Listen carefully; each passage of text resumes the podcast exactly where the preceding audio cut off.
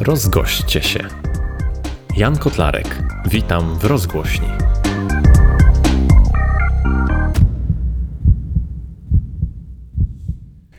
Dziś w rozgłośni gość niecodzienny, nie prezes, nie profesor, nie dyrektor, jeszcze nie lekarz, a student naszej Alma Mater Uniwersytetu Medycznego w Poznaniu, Franciszek Szkudelski. Witam cię bardzo serdecznie. Cześć, witaj. E, Franciszek został wezwany na dywanik naszego podcastu, ponieważ jego działalność przykuwa uwagę z daleka, nawet z głębin naszego studia nagraniowego. E, od końcówki lutego jesteś wolontariuszem na Międzynarodowych Targach Poznańskich i pomagasz uchodźcom przybywającym z Ukrainy. I moje pierwsze pytanie, skąd u Ciebie w ogóle pomysł pójścia na targi, e, żeby pomagać tym ludziom? Tak, to się zgadza, co powiedziałeś już od kilku lat dobrych działam w organizacji, znaczy w organizowaniu Centrum Wolontariatu Caritas Archidiecezji Poznańskiej e, i jeszcze przed wybuchem wojny na Ukrainie byłem tam, pełniłem funkcję lidera, mhm. koordynator naszego wolontariatu ma pod sobą takich liderów, którzy są od e, różnych konkretnych zadań, tak żeby ta, ta organizacja wyglądała troszkę lepiej. E, no i gdy tylko dowiedzieliśmy się o wybuchu wojny, e, padła decyzja o powołaniu sztabu kryzysowego, bo dowiedzieliśmy się, że Caritas będzie e, no, jednym z głównych organizatorów punktu recepcyjnego właśnie uh -huh. na Międzynarodowych Targach Poznańskich, także już 28 lutego ten punkt został utworzony, kilka dni po wybuchu wojny. No i też tego 28 przy, zaczęli przyjeżdżać pierwsi, pierwsi uchodźcy. Mhm. E, I jaki skład jest tego sztabu kryzysowego? Na początku ile to było ludzi? Na początku to było, wydaje mi się, 8 osób, czyli Aha. wcześniej liderzy e, wolontariatu, bo trzeba wiedzieć, że punkt od samego początku działa 24 godziny na dobę, 7 dni w tygodniu, więc tak. naszym zadaniem było przede wszystkim e, tutaj pod wskazówkami przy wsparciu Urzędu Wojewódzkiego, który jest organem kompetentnym tutaj do tego zadania, prowadzenia punktu recepcyjnego. Naszym zadaniem było zorganizować strukturę tego miejsca, zaplanować kolejne kroki tego, co będzie działo się z uchodźcami, którzy do nas trafią. E, no i zorganizować e, wolontariuszy, którzy będą obsługiwać to miejsce którzy obsługują w zasadzie nadal do dzisiaj. E, było ich na przestrzeni tego czasu ponad półtora tysiąca, więc to jest mhm. ogromna liczba osób. Wiele z nich zgłosiło się specjalnie na, na no w tej sytuacji e, kryzysu uchodźczego zgłosiło się, by w tym punkcie działać. Oczywiście była też e, spora grupa tych, którzy już wcześniej w Caritas w Caritas pracowali jako wolontariusze. Tak. A to jest 1500 jakby w sumie od początku wojny, czy jednocześnie na targach przebywa 1500 wolontariuszy? Jak to wygląda? Nie, znaczy na początku... Jednocześnie faktycznie... ile mniej więcej przebywa na, na targach? Jednocześnie, to zależy od, od pory dnia i tak. nocy w zasadzie. Na początku było potrzebne troszkę więcej osób, dlatego że te pierwsze tygodnie charakteryzowały się jakby dużą zmiennością sytuacji. My też nie byliśmy, nie byliśmy dobrze przygotowani na to, jak to będzie wyglądać. Zdarzało mhm. się, że w nocy przyjeżdżały e, autokary z uchodźcami już bezpośrednio na nasz punkt, więc e, cały czas było potrzebnych między, między 20 a 30 wolontariuszy w jednym mhm. momencie do obsługi tego miejsca.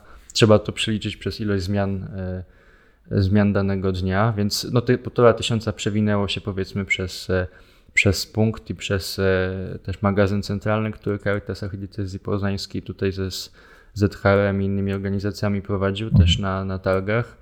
No więc tych wolontariuszy mm, no, było bardzo wielu, nadal jest bardzo wielu i w zasadzie przez te pierwsze miesiące mm, wydaje mi się, że y, działalność takich miejsc jak punkt recepcyjny opierała się właśnie zasadniczo na działaniach wolontari wolontariackich. Uh -huh, uh -huh.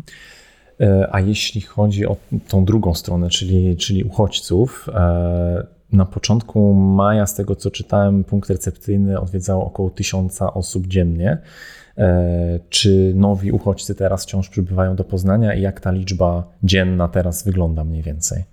Rzeczywiście ta liczba tysiąc osób dziennie się utrzymuje. Mhm. W ubiegłym tygodniu było osób troszkę mniej. W tym tygodniu widzimy, że już ta liczba rośnie prawdopodobnie po, po tych atakach na Kijów. Mhm. Iż faktycznie tak to, e, tak to się układa, że w zależności od tego, jak wygląda sytuacja na froncie, mm, tak ci uchodźcy przybywają do Poznania. Tak. Natomiast faktycznie zwiększa się grupa osób, która, która korzystających z no, różnej różnorodnej pomocy, która jest dostępna na punkcie, ale osób, które już w Poznaniu znalazły schronienie, już e, jakiś czas temu przekroczyły granicę, mhm. ale z różnych powodów e, no, nie mogą się usamodzielnić. Tak. Pamiętajmy, że uciekają matki z dziećmi, uciekają osoby niepełnosprawne, osoby starsze, osoby chore, więc e, punkt recepcyjny no, w swoim założeniu ma oprócz, oprócz tej głównej funkcji informacyjnej, ma też zapewniać te pierwsze bieżące potrzeby tak, uchodźców. Tak, tak.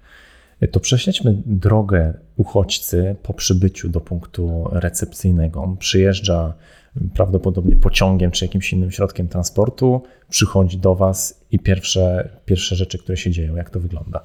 Myślę, że jeszcze ważny punkt jest na samym dworcu, na, mhm. którym, na który przybędzie. Najczęściej faktycznie, faktycznie uchodźcy przybywają na, na dworzec. Bardzo ważne jest to, żeby oni trafili do nas, bo każdy poznaniak trafi z dworca na targi poznańskie, ale uchodźcy czy osoby z Ukrainy, które no, niektóre z nich pierwszy raz są w ogóle poza granicami kraju, w ogóle tak. są w zupełnie nowej sytuacji. I bardzo ważny jest ten pierwszy punkt, żeby one zostały dobrze poinformowane przez e, Służbę Ochrony Kolei, tam e, pracowników dworca, wolontariuszy, którzy tam działają, jak dojść na punkt recepcyjny. Gdy do nas trafiają, m, pierwsza rzecz, e, którą spotykają, no to jest ewidencja. Ewidencja bardzo ważny i w zasadzie kluczowy, kluczowy moment, w którym te osoby e, pokazują swoje dokumenty, prezentują swoją sytuację, mówią skąd przybyły. Zbieramy taki, można powiedzieć, wywiad na temat ich sytuacji, który potem e, służy nam do tego, by udzielić im tego wsparcia, które jest najbardziej potrzebne w danym momencie. No ale też e, te informacje są ważne, bo zdarza się, że ktoś zgubi bliską osobę Wtedy każda informacja o tym, gdzie taka osoba mogła przebywać, na przykład w punkcie recepcyjnym w Poznaniu, mhm.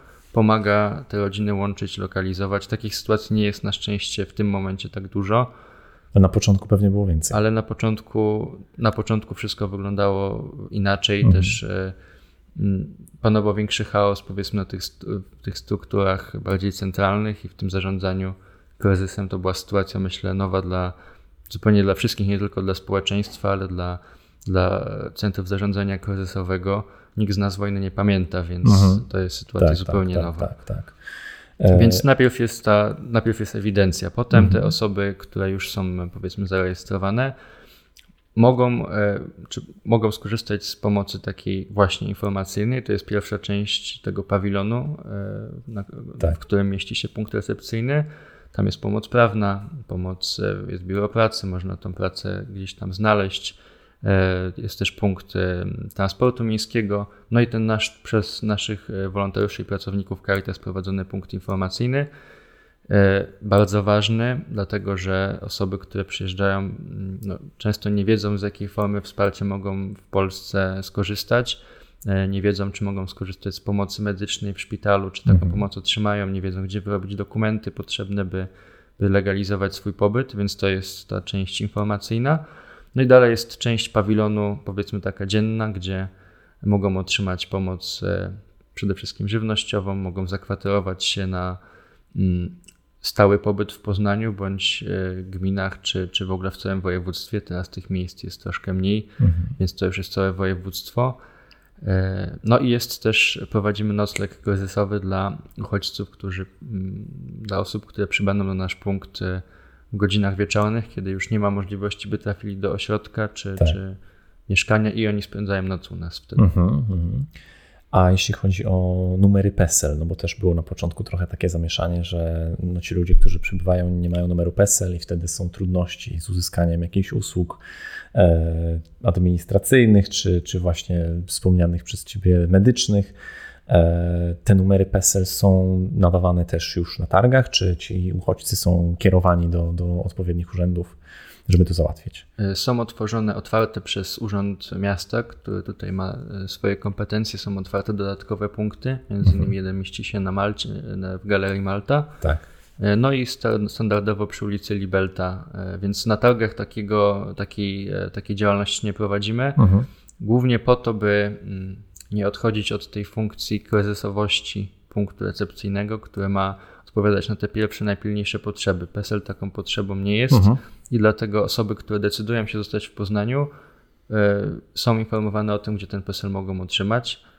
Też pamiętajmy o tym, że przez ten nasz punkt jest spory tranzyt, czyli osoby, które są w podróży, mogą u nas ten, ten, tą pomoc uzyskać. Na przykład następnego dnia jadą do nawet na zachód czy za granicę albo do innych miast. To wtedy ten PESEL nawet nie jest im potrzebny tak, w Polsce. Nie? Bo PESEL no. powinno się wyrobić w tym mieście, w którym się pozostanie. Tak, tak.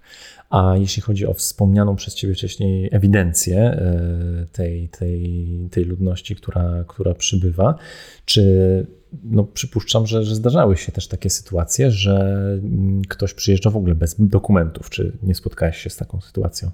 Takich sytuacji było bardzo wiele, bo mhm. na Ukrainie prawo jest troszkę inne mhm. i e, przede wszystkim w tych pierwszych tygodniach, zanim jeszcze weszła specustawa dotycząca pomocy uchodźcom z Ukrainy, e, no był taki dość duży, mm, może nie tyle dysonans, co mm, brak informacji. My nie mieliśmy informacji y, stricte prawnych, jak tych ludzi obsłużyć, jaki oni mają status w Polsce. Tak. Na początku oni się obawiali, że oni są w Polsce nielegalnie, mhm. bo nie mają ani dokumentów żadnych ze sobą, ani nie mają dokumentu potwierdzającego przekroczenie granicy.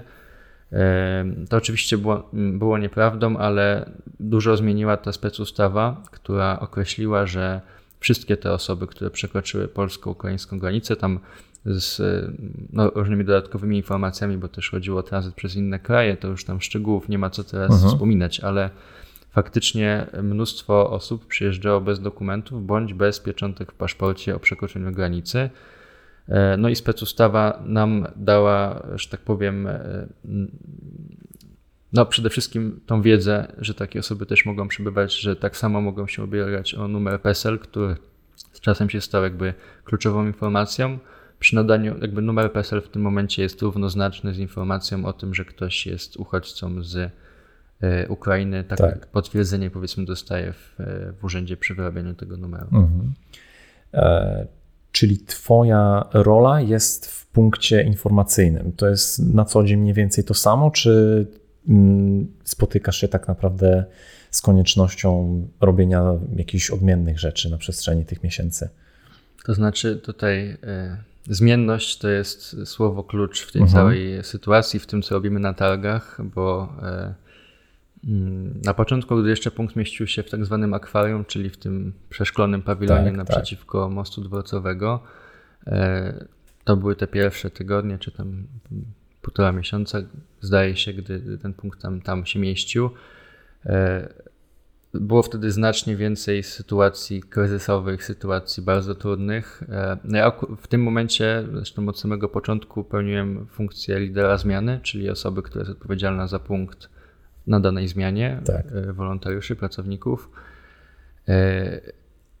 I no to, to, była, to jest funkcja, wydaje mi się, że bardzo odpowiedzialna i my wszyscy zostaliśmy rzuceni na taką głęboką wodę, znaczy rzuciliśmy się, można tak. powiedzieć, bo to było, było to dobrowolne, ale Y, czasem to są, y, czasem można spędzić godzinę spokojnie, bez żadnych powiedzmy zadania, czasem to jest kwestia ratowania życia nawet. Mhm. Zdarzyły się sytuacje bezpośredniego zagrożenia życia i wtedy też lider jest tą osobą, która musi reagować, która musi ściągnąć lekarza, który teraz już jest obecny na hali albo dzwonić po pogotowie. To mhm. jest y, to są sytuacje, gdy trafiają osoby z ciężką niepełnosprawnością na pawilon. Też się tak zdarzało, szczególnie -hmm. na mhm. początku. Teraz też takie sytuacje mamy. E, zdarzają się sytuacje, że trzeba tutaj interwencji policji, także no to jest, jakby jest to zadanie bardzo zmienne i mhm. Sytuacja jest dynamiczna. No pamiętam na początku, gdzie nas było za mało w stosunku do ilości osób, które przybywały e, i to było, mm, no, była to praca w dużym stresie, takiej tak, dużej tak. mobilizacji, ale z czasem nauczyliśmy się, jakby wypracowaliśmy takie schematy postępowania, co w danej sytuacji należy robić.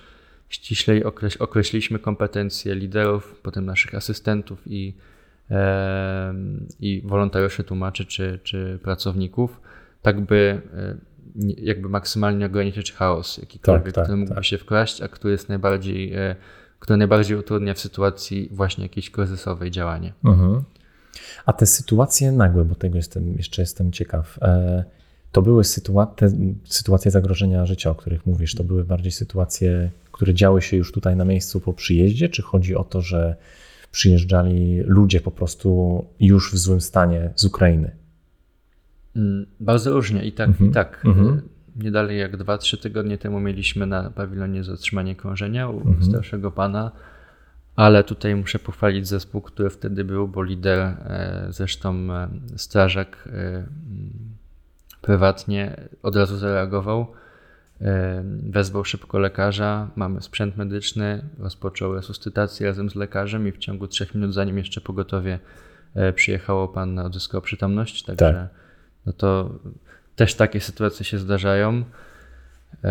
Z takich kryzysowych, no mieliśmy raz sytuację o tym, że w, zaginęła, e, zaginął transport wiozący dzieci mhm. z jakiegoś um, domu dziecka na Ukrainie i trzeba było szybko te dzieci maksymalnie zlokalizować, tak. zobaczyć, czy nie były gdzieś dane wpisane. No, różne rzeczy się zdarzają. Mhm. Zasady są takie, że żadne dziecko bez opieki osoby dorosłej na pawilon wejść nie może. Mhm. W praktyce wygląda to tak, że czasem zdarza się, zdarzały się przypadki, że przyjeżdżały do nas e, dzieci po prostu, czyli e, albo były to sieroty, które rodziców swoich nie miały, albo były to dzieci, które się gdzieś zgubiły po drodze i w jakimś transporcie czy pociągu do nas dojechały. Także to jest wtedy zawsze e, wszczęcie odpowiedniej procedury, żeby to dziecko trafiło pod opiekę tymczasową, potem by miało taką opiekę zapewnioną już od, e, od państwa przez rodzinę zastępczą. Mm, myślę, że tych sytuacji takich e, podbramkowych jest naprawdę sporo. E, no tak, no bo to raz, że przeżycia z rodzinnego kraju, dwa, że pewnie jeszcze trudy podróży w momencie, jak ktoś jest osobą niepełnosprawną czy, czy po prostu chorą, no to z tego też myślę dużo wynika tego tak, typu no, sytuacji. Często na początku szczególnie zdarzały się ataki paniki wśród e, niektórych uchodźców. E, dla nas nowe doświadczenie. E, mhm. Wiemy przecież, że takie osoby jest bardzo trudno wesprzeć, e, nie będąc specjalistą w tym momencie, tak, nawet tak. będąc specjalistą pewnie jest ciężko tak, wesprzeć, tak. E, ale to no, szczególnie te kwestie medyczne właśnie e, zawsze jakby budzą większą obawę i takie wyczulenie, także żeby szybko reagować, żeby ta pomoc jak najszybciej była, żeby taka osoba, która jest w tej pilnej e, potrzebie w ogóle została wyhaczona, bo mhm. czasem, gdy na, w budynku jest kilkaset, e, nawet czasem pod tysiąc osób, na początku było czasem półtora tysiąca, 1700 osób jednego dnia wchodziło, także żeby taką osobę w ogóle wyhaczyć tak. i e, zauważyć ten jej problem. No myślę, że jakby dla mnie najbardziej e, taką e,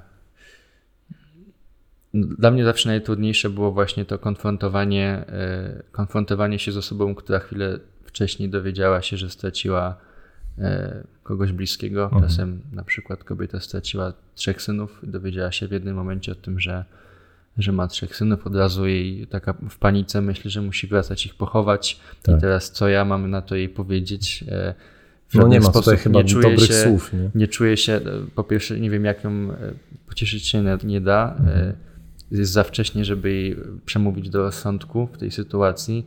Mm, no i to, to jest wtedy bardzo trudne, a no i takiej osoby nie można zostawić samej. Na takich sytuacji jest sporo, nadal się tak zdarza, że, że nagle ktoś wybucha płaczem. Tego mhm. już jest troszkę mniej pewnie z uwagi na to, jak wygląda sytuacja na Ukrainie, też przez to, że początkowo ten ruch uchodźców był e, bardziej zmotywowany e, no taką można powiedzieć paniką, wydaje mi się. Też nie chcę tego jakoś tak oceniać, ale z tego co rozmawiam z ludźmi, z tego co wiemy skąd oni przyjechali i, i, i dlaczego wyjechali, e, to wiele osób uciekało też z terenów, które nie były bezpośrednio zagrożone. E, I dopiero no i na przykład do dzisiaj tam jeszcze żadna rakieta nie spadła na ich tak. rodzinne miasto i stąd tyle osób wraca. Tak. Natomiast nadal przyjeżdżają do nas osoby z frontu, w zasadzie i pamiętam taki, taką jeden, taki jeden wieczór, kiedy przyjechała rodzina i było jeszcze czuć, e, jak weszli do nas, że nie, niedawno byli, no było czuć jeszcze proch, po prostu było mhm. czuć proch. Tak, Czyli tak, widać, tak. widać było, że no nie, nie, zdążyli się jeszcze przebrać w ogóle po tym, jak opuścili swój dom, a trafili do nas do Poznania, więc ile, jakie to są odległości. No właśnie. Musieli kilka razy przesiadać się pewnie mhm. z pociągu na pociąg autokarem. Także No takie sytuacje się zdarzają nadal, ale dzięki temu właśnie, że mm, coraz bardziej samo się organizujemy i staramy się wypracowywać takie konkretne schematy działań, to, to jest nam łatwiej. Mhm. A jeśli chodzi o Twoje refleksje z rozmów z tymi ludźmi, mm, no bo wydaje mi się, że po przyjeździe do Polski uchodźcy mają tak naprawdę trzy możliwości: albo mogą tutaj po prostu zostać na dłuższy czas, albo mogą chcieć e, jechać dalej na zachód, albo co niektórzy pewnie myślą o jak najszybszym powrocie. E, to wśród tych trzech opcji, która dominuje, Twoim zdaniem, wśród tych ludzi, którzy przyjeżdżają do Poznania? Wydaje mi się, że zdecydowanie powrót na Ukrainę. Mm-hmm. Po mhm. jakimś czasie, tak, oczywiście, tak, tak, jak tak. to już będzie możliwe. Czyli raczej e, traktują ten pobyt tutaj jako raczej taki tymczasowy. Tak, no i to, to był, myślę, wydaje mi się, że to był jeden z takich, jedna z takich przyczyn, dla których e, nie tak wiele osób, jakbyśmy się mogli spodziewać, chciało jechać na zachód, mhm. a tych możliwości jest i było bardzo dużo. No, są takie kierunki obierane gdzieś tam chętniej, natomiast wydaje mi się, że mm, wielu Ukraińców traktuje pobyt w Polsce no, mm, tymczasowo i oni wiedzą, że tutaj no, jest w miarę podobny język, jest, nie ma tej różnicy bariery kulturowej, która byłaby już gdyby pojechali do Holandii, tak. Wielkiej Brytanii i tak dalej. Czy do Niemiec. Natomiast no przede wszystkim jest bliskość e, Ukrainy, czyli mhm. wiedzą, że jak tylko będzie to możliwe, będą chcieli wracać. Tak, tak. Szczególnie, że no wydaje mi się, że e, zdecydowana większość osób, która do nas trafia, kogoś na Ukrainie zostawiła, bliskiego, z różnych przyczyn, albo w swoim rodzinnym mieście, albo w innym, i po prostu są dramaty rozdzielonych rodzin, które no najbardziej marzą o tym, by się znowu spotkać. Mhm. Mhm. I pewnie, pewnie będzie y, gdzieś tam jakaś część z tych osób y, chętna, by zostać w Polsce na dłużej, e, czy w ogóle na stałe. Są osoby, które przyjechały do nas i powiedzmy straciły na Ukrainie już całą rodzinę. Mhm. Pewnie ich, y, to nie jest pewnie jakaś większość, ale są osoby, które no, chcą tu, tu budować swoją przyszłość. Tak, tak. No plus pewnie też jest jakaś pula ludzi, którzy tak czy siak zamierzali emigrować z Ukrainy, bo też przecież mieliśmy dużo, dużo gości z tego kraju już przed e, eskalacją wojny w, lutym. Także no sądzę, że, że trochę, trochę, ty, trochę ty, dla niektórych z tych ludzi było to po prostu takie przyspieszenie planów, tak, które już snuli od, od, jakiegoś czasu. Szczególnie, że y, często słyszymy, że te osoby mają tutaj lepsze warunki życia niż u siebie w, w swoim rodzinnym mieście, tak. miasteczku, czy, czy w ogóle swoje warunki mieszkaniowe. Trafiają tutaj do jakiegoś tymczasowego miejsca, okazuje się, że tu jest im lepiej niż tam, uh -huh, gdzie, uh -huh. gdzie byli, więc pod tym kątem trudno się im dziwić, szczególnie jeżeli to są na przykład matki z, matki z dziećmi, które na, czekają na to, jak będą mogły spotkać się z mąż wróci i tak, zamieszkają tak, razem. Tak. A dochodziły do ciebie jakieś um, słuchy o takich sytuacjach typu um, jest jakaś rodzina polska, która przyjęła uchodźców. Dużo mieliśmy takich rodzin i w Poznaniu, i w całej Polsce tak naprawdę. E, słyszałeś o jakichś sytuacjach, teraz już po jakimś czasie, maj, czerwiec, jakichś takich zgrzytów, że e, któraś rodzina ma już dość na przykład, no i wtedy jest, prawda, jakaś, e, no jakiś taki dysonans tak naprawdę, no bo pewnie dalej chcieliby jakoś pomóc, ale z drugiej strony są już zmęczeni, no i teraz jest taki moment, taka sytuacja patowa trochę. Słyszałeś o takich momentach? Znaczy myślę, że tutaj trzeba spojrzeć na przyczynę takich, mhm. takiego stanu i wydaje mi się, że przyczyną e, tej i wielu innych sytuacji jest e, zbyt duże obarczanie i przede wszystkim na za długo obarczenie społeczeństwa tym dużym ciężarem, e, no jednak opieki nad milionami już w zasadzie ludzi. Tak. E, pierwszy tydzień, dwa tygodnie, coś wspaniałego. Ja mhm. pamiętam ten czas, kiedy do naszego magazynu spływały takie ilości darów i pomocy od osób prywatnych, ale firm, wszystkich instytucji czy organizacji społecznych, że pawilon duży targowy pękał w szwach. Mhm. Tyle było mhm. tych darów. E, tak samo ilość osób, które chciały kogoś przyjąć do siebie na nocleg, e, czy w ogóle na, na jakiś dłuższy czas, też na początku była bardzo duża. Nawet w tych pierwszych dniach była większa niż liczba uchodźców, którzy mhm. do nas przyjeżdżali. ale to, te wszystkie rozwiązania i, i ta wielki, ten wielki społeczny ruch był bardzo potrzebny. Bez niego te pierwsze tygodnie wyglądałyby tragicznie. Natomiast on nigdy nie będzie trwał miesiącami. I oczywiście, że słyszałem bardzo wiele sytuacji, w których i to z dwóch stron. Albo rodzina polska już nie dawała rady, e, rodzina gospodarzy i e, no, gdzieś porwała się, można powiedzieć, z motyką na słońce, nie wiedząc, że tak długo będzie ta sytuacja trwała, tak. czy tak długo będą musieli mm, e, tych Ukraińców gościć, a środki czy zasoby po prostu domowe się skończyły na mhm, to. Mhm. Pytanie, kto i jak, znaczy co, co, co w tej sytuacji ta rodzina zrobiła, bo zdarzały się takie, które przychodziły do nas, pytały o możliwości wsparcia tej, tej goszczonej rodziny. Były też takie sytuacje, gdzie zdarzają się nadal, że ktoś po prostu uchodźców czy tych gości swoich z domu wyrzuca. Mhm. Mm, no, w zasadzie bez konsekwencji, bo żadne prawo tego nie reguluje. E, takich sytuacji pewnie zdecydowana mniejszość. Natomiast y, po drugiej stronie też zdarzały się zgrzyty, że te rodziny ukraińskie y, no, nie zachowywały się odpowiednio pewnych reguł, nie, nie stosowały się do pewnych reguł, czy y, no, nie brały tego swojego życia w swoje ręce tutaj na miejscu. Mhm. I to jest bardzo ważne i my też chcemy się na to kłaść nacisk w kontekście tych osób, które przychodzą do nas regularnie, by starały się maksymalnie uniezależniać od takiej pomocy nie wiadomo, jak ona długo będzie możliwa. Tak, tak. I no i też nie wiadomo, jak długo będą chcieli, czy musieli tutaj po prostu zostać. Więc, tak. więc to przystosowanie do życia w społeczeństwie samodzielne jest, jest myślę, bardzo ważne tutaj w tej tak, sytuacji. Tak, no dajemy takie możliwości, to jest biuro pracy, no to to już mhm. tak, taki, no, takie podstawowe wyjście, wydaje mhm. mi się, ale są też instytucje pomocy społecznej, które no, mm, na mocy prawa muszą udzielić wsparcia, jeżeli sytua- sytuacja rodziny tam spełnia określone kryteria. E, dzieci powinny pójść do szkoły e, takiej czy innej. Mhm. Czasem zdarza się, że mówię, to to są jakieś tam mniejszościowe przypadki, tak, ale tak. że ktoś udaje, że wysyła dziecko, dziecko uczestniczy w jakichś zajęciach zdalnych na, na Ukrainie, mhm. znaczy prowadzonych zdalnie z Ukrainy. E, no, my, my możemy tylko radzić. My do nikogo, nikogo do niczego no tak. zmusić nie możemy, ale e, wydaje nam się, że to zaufanie jest na tyle duże, że osoby z Ukrainy, uchodźcy wiedzą, że my im radzimy tak, jak najlepiej e, powinni zrobić, mm, uczynić i te wskazówki, które dajemy, są oparte na tym, że mamy więcej informacji niż oni. No i wiemy, no, patrzymy troszkę szerzej na tę sytuację, a nie w kontekście.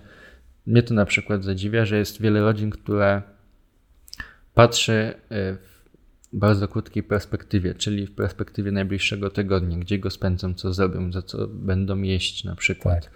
A tutaj naprawdę trzeba się szykować, że to będą miesiące, może nawet lata. Mhm. I to. No tak, no bo jak słuchamy wiadomości z, z Ukrainy, z frontu, no to słyszymy, że ta wojna ma coraz bardziej taki charakter wyniszczający. A no też nie jestem ekspertem w, w dziedzinie militariów ani sztuki wojennej, ale no wydaje mi się, że jak wojna przybiera charakter wyniszczający, no to to świadczy o tym, że może jeszcze trwać tak naprawdę bardzo długo. Tak jak mówisz, to mogło być nawet lata, nie? Tak, a duch, e, duch walki, czy nie wiem jak to określić, ta tak. niesamowita odwaga e, która też jest widoczna wśród uchodźców, bo ja miałem na początku takie, mm, tak myślałem, że będzie więcej osób, które będą tragicznie, znaczy będą bardzo załamane, będą e, po jakichś tragediach bardzo to przeżywać, a tego po tych ludziach najczęściej nie widać. Mhm. I oni świetnie sobie, czy może nie świetnie z tym radzą, ale potrafią to zakamuflować tak. E, i pokazywać tą, e, no, tą niesamowitą odwagę i to, co mówisz, no, mm, Ukraińcy stawiają opór bardzo zacięty, nawet jeżeli. No, my te sytuacje słyszymy często od naszych pracowników, czy tłumaczy, wolontariuszy, którzy są z Ukrainy przyjechali. To też warto powiedzieć, że wielu, e, wiele spośród osób działających na naszym punkcie to są też uchodźcy, którzy przyjechali, najpierw sami byli na punkcie i otrzymali pomoc, potem jak się ich sytuacja ustabilizowała, to do nas przychodzą i pomagają. Mhm. E, więc e, oni nam najczęściej z pierwszej e, ręki podają informacje, jak to wygląda tam na Ukrainie. Mm, no I stanowią i, pewnie też wsparcie językowe, przypuszczam, no bo ta bariera językowa też pewnie stanowiła, szczególnie na początku, jakiś tam problem. Tak, no to wsparcie było od samego początku kluczowe, bo mimo, że języki są pewnie dość podobne do siebie, to są pewne informacje, których przekazać po prostu nie da po polsku mm -hmm. i to więcej budzi e, trudności, emocji i gdzieś tam stresu niż przynosi pożytku. Więc od samego początku organizowaliśmy wolontariuszy, którzy, e, e, osoby pochodzenia ukraińskiego, które, e, czy Ukraińców, którzy pracowali w Poznaniu już wcześniej, mieszkali w Poznaniu już wcześniej, to była grupa przecież około 100 tysięcy w Poznaniu i okolicach, mm -hmm. więc bardzo spora grupa. No i faktycznie tych wolontariuszy ukraińskojęzycznych pojawiły się setki. I dzięki nim naprawdę wiele kryzysowych sytuacji mogło być rozwiązywanych. Cały czas teraz na całą dobę te, takie osoby są u nas na pawilonie i, e, no i tą pomocą służą językową. Mhm. Czyli e, twoje, Twoja komunikacja z uchodźcami w punkcie informacyjnym toczy się właśnie przez, przez taką osobę? Zawsze na początku próbuję po polsku, bo Aha. wydaje mi się, że jest tak, że Ukraińcy lepiej nas rozumieją niż my ich. Przynajmniej mhm. ja tak osobiście odczuwam. E, I oni rozumieją, co do nich mówię, potem mi odpowiadają, ale ja już mam z tym problem. Więc tak, jeżeli tak, tak. nie porozumiemy się w tej, powiedzmy, w tym kontakcie między nami, no to, to zawsze są ci tłumacze, tak, takich nazywamy tłumacze, no po prostu wolontariusze mhm, ukraińskojęzyczni, mhm. którzy, którzy nam pomagają tłumaczyć. Mhm. A spotkałeś się też ze studentami kierunków medycznych i medycyny i innych kierunków pokrewnych, którzy przyjechali z Ukrainy? Tak, y, zarówno studentów medycyny, jak i pracowników opieki zdrowia mhm. zdrowotnej z Ukrainy, którzy zresztą kilkoro z nich wiem, że na naszej uczelni y, znalazło y, zatrudnienie, czy w którymś ze szpitali. Tak. Też przechodzą tą procedurę nostyfikacji, tak mhm, się nazywa, mhm, dyplomu mhm.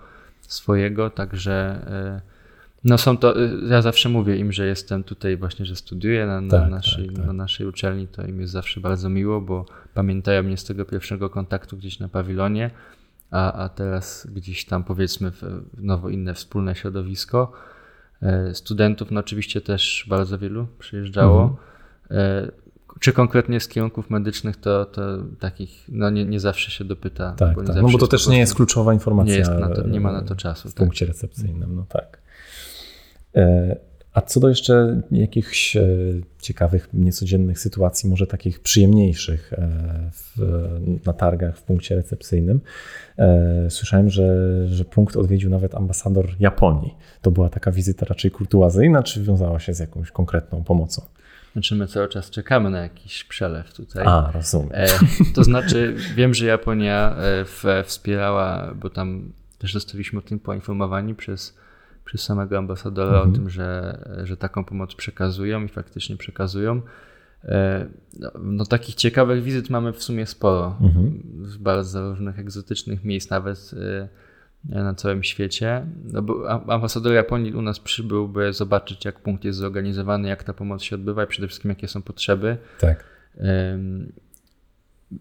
Ja tutaj, to nie jest tutaj w żadnym wypadku jakieś samochwałstwo, ale mm, no, poznański punkt recepcyjny jest dobrze zorganizowany uh-huh.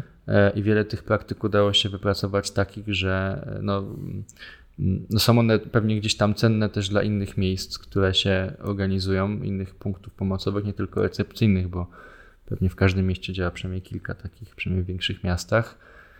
Mm, z takich ciekawych, miłych sytuacji, no zawsze y, wydaje mi się, że najbardziej y, miły czy taki zapadający w pamięć jest, jest ten kontakt z ludźmi, którzy no, są nam wdzięczni za to, bo mm -hmm, jednak mm -hmm. wiadomo, że nie, nie, nie oczekujemy tutaj z ich strony żadnych podziękowań. Często nie ma nawet czasu, żeby tyle z nimi e, porozmawiać, czy gdzieś e, podzielić się tą, e, tą refleksją, ale oni przychodzą, czasem przynoszą nam kwiaty, e, sami się potem angażują w działanie tego punktu e, na tyle, na ile mogą. I to dla mnie to, było najwię- to był dla mnie największy szok, że ktoś potrafił przyjechać e, poniedziałek na punkt recepcyjny, a w środę już być wolontariuszem mm, i pomagać. I pomagać e, w pierwszych tygodniach. E, niektórzy byli po 16-20 godzin bez, Aha, bez przerwy, tak, także to były, no to było zupełnie inaczej. Wtedy, no mówię, ta sytuacja była bardzo dynamiczna.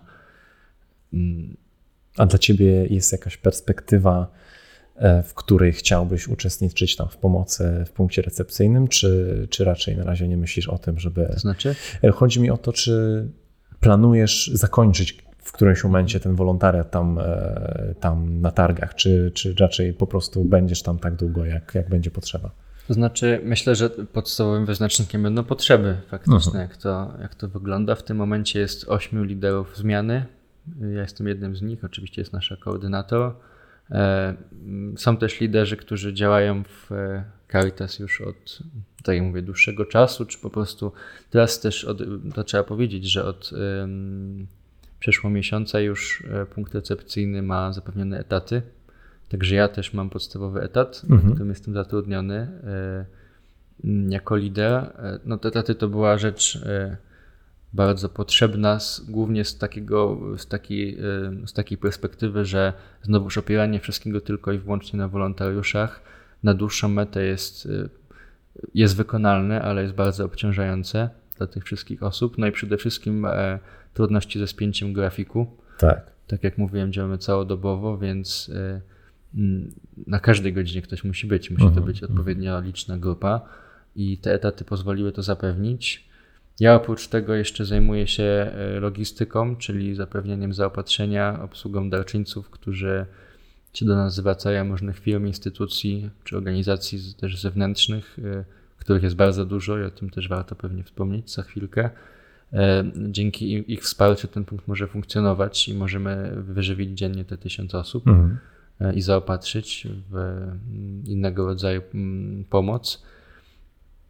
Myślę, że będę chciał angażować się, e, znaczy chcę angażować się tak długo, jak to będzie potrzebne, e, mhm. więc tej perspektywy tak naprawdę nikt z nas nie zna. Czy to będzie dwa miesiące, czy to będzie rok.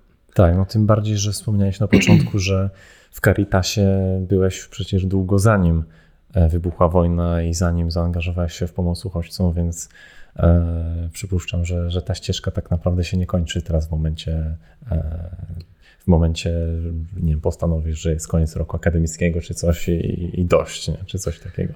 Tak, no też inna kwestia jest taka i o tym nie można zapominać, że e, w Polsce, w Poznaniu te osoby, które potrzebowały pomocy przed wybuchem wojny nadal jej potrzebują. Mhm. Tutaj mówię o poznaniakach tak, w trudnej tak, tak. sytuacji, więc te wszystkie działania, które Caritas prowadził przed, czy wszystkie inne organizacje pozarządowe, które są zaangażowane w pomoc uchodźcom, w pomoc Ukrainie, e, no ważne by pamiętały, pilnowały tego, co prowadziły wcześniej, mhm. żeby nie zostawiać tych potrzebujących, którzy wcześniej potrzebowali tej pomocy i e, nadal potrzebują i w pewien, pewien sposób no, e, są od tej pomocy organizacji pozarządowych uzależnieni. Mhm. E, więc tutaj no Caritas ma i różne ośrodki, przecież prowadzi w Poznaniu i, i jadłodajnie przy wsparciu, czy, czy wspiera właśnie e, zgromadzenia zakonne w prowadzeniu tych jadłodajni dla osób w kryzysie bezdomności. Każdy z nas liderów wcześniej też miał swoje zadania e, w ramach, no, które realizował jako lider ze swoją grupą wolontariuszy, więc też ważne jest, żeby to jakoś trzymać i, mhm. i, i tego nie puszczać. Te osoby też by miały jakąś opiekę i pomoc. A te inne organizacje, o których chciałeś jeszcze wspomnieć, które pracują, bo to miałeś na myśli organizacje, które pracują też na targach e, podczas pomocy uchodźcom. Tak, znaczy no, myślę, że gdybym miał tutaj, chciałbym wymienić wszystkich, którzy od samego początku nas wspierali, bo e, ja wcześniej miałem już jakieś doświadczenie w fundraisingu na rzecz organizacji pozarządowych, ale mhm.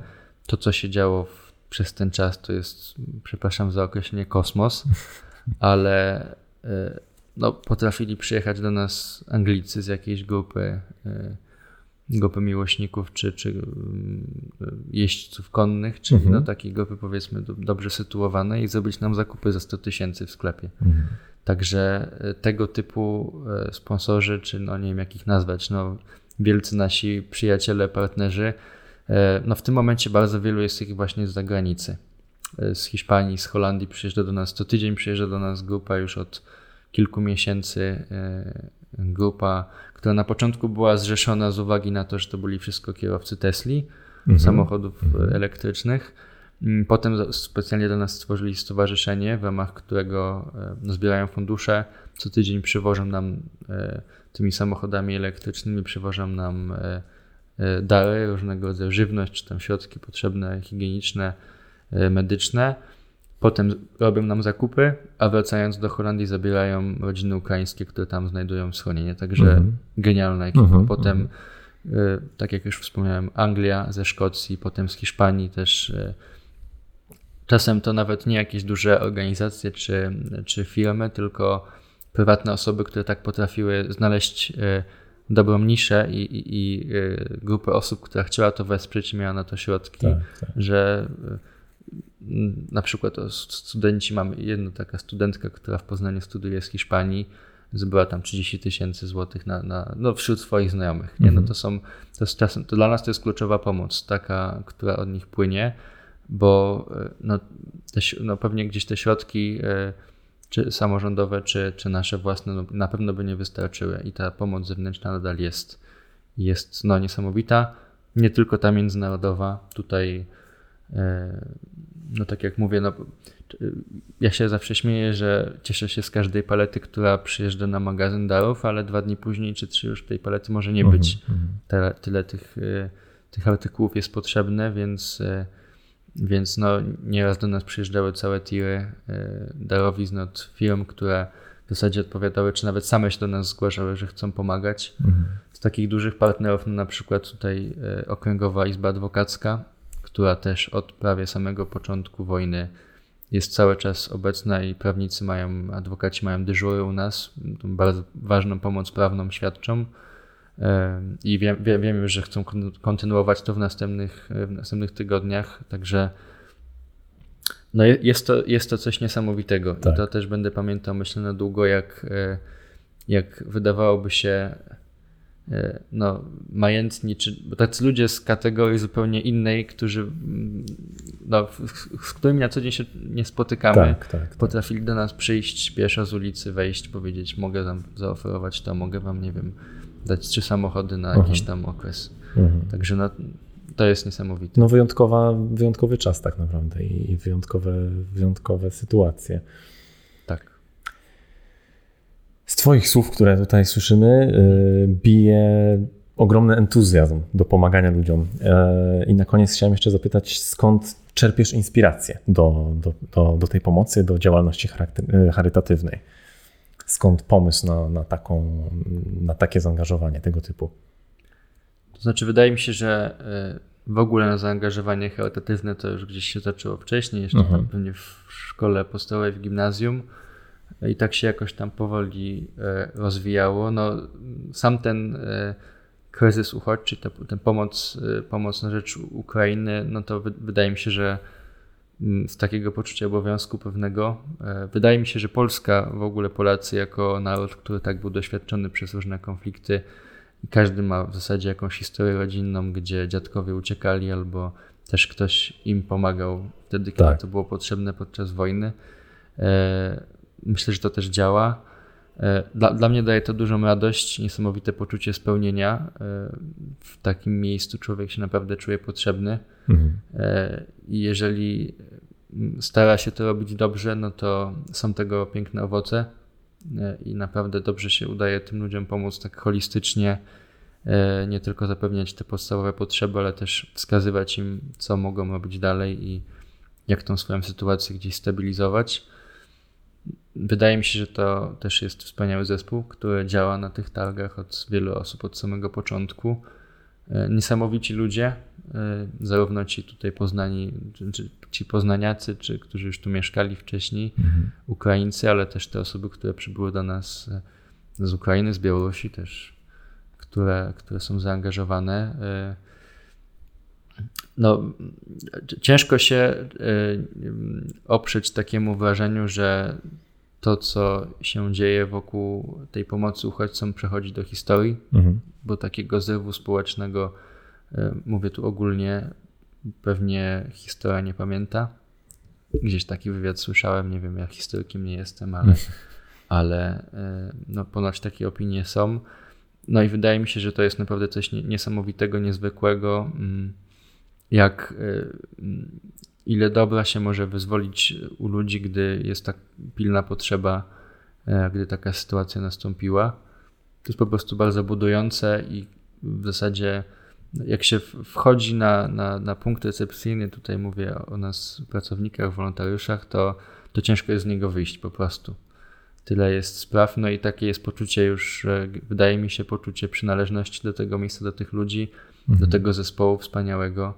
E, tutaj o wszystkich znowuż nie wspomniałem, bym mógł tak, jeszcze tak. wymieniać lekarzy, farmaceutów, ratowników medycznych, strażaków niesamowitych, którzy nam pomagają, Wojska Obrony Terytorialnej, Policja, no to są na początku to były gdzieś tam sztywne takie powiedzmy no zadaniowe, zadaniowe, zadaniowe kontakty, zadaniowe relacje, ale teraz to już są po prostu znajomi, którzy mhm. wiedzą, y, jesteśmy już w tej współpracy do grani, czasem to wychodzi lepiej, czasem gorzej, ale, ale jest ten zespół i myślę, że to jest takie bardzo przywiązujące. Tak, no tutaj ma swoje zastosowanie bardzo mocne powiedzenie, że prawdziwych przyjaciół poznaje się w biedzie. No to tutaj jest chyba najlepsze, tak. najlepsze uzasadnienie tego, tego Dokładnie. powiedzenia. No szczególnie, że no to, już znowu wracam do tego chaosu na początku, tak. ale, ale to jak bardzo dynamiczna była sytuacja w ciągu jednej godziny, ja na przykład jako, nie wiem, czy to jest jakaś cecha mężczyzn mhm. statystyczna, czy tutaj, żeby nie robić jakiejś analogii niepotrzebnej, ale jestem dość jednozadaniowy i wiele mhm. osób mi to wypominało, wypomina, ale czasem na, więc czasem wchodząc, dostając sygnał, że na drugim końcu pawilonu jestem do czegoś potrzebny jako lider, po drodze mnie tyle osób złapało z jakąś prośbą, pytaniem, czy innym zadaniem, że dochodziłem do końca i już nie wiedziałem, po co tam szedłem w ogóle. Więc ja się po prostu też uczę zadaniowości. Tak. E, no i, i ten, e, no i, i pośród tego, no właśnie, to jest też dla nas, myślę, że inna strona medalu, że dla nas, e, którzy tam działamy, dla wszystkich osób, to jest też niesamowita lekcja. I tutaj w maksymalnie szerokim tego słowa znaczeniu. Mm -hmm zarówno od tej lekcji takiej, no, lekcji człowieczeństwa, czy tych podstawowych wartości, a skończywszy na no, jakimś doświadczeniu w takich bardzo miękkich kompetencjach, bardzo potrzebnych takim właśnie kryzysowym działaniu, zarządzaniu. Tak, tak. I podzielności e... uwagi z tego, co słyszę tak, też. Nie? Podzielności uwagi właśnie mm -hmm. w mhm. niektórych przypadkach. E, no to w takim razie życzę jeszcze bardzo dużo sił i bardzo dużo takich e, sytuacji dla Ciebie budujących, E, żebyś po prostu widział jak najlepsze efekty swojej, e, swojej pracy charytatywnej i pracy w pomocy innym ludziom. E, I Dzięki. bardzo dziękuję za bardzo dzisiejszą dziękuję. rozmowę. Dzięki serdeczne.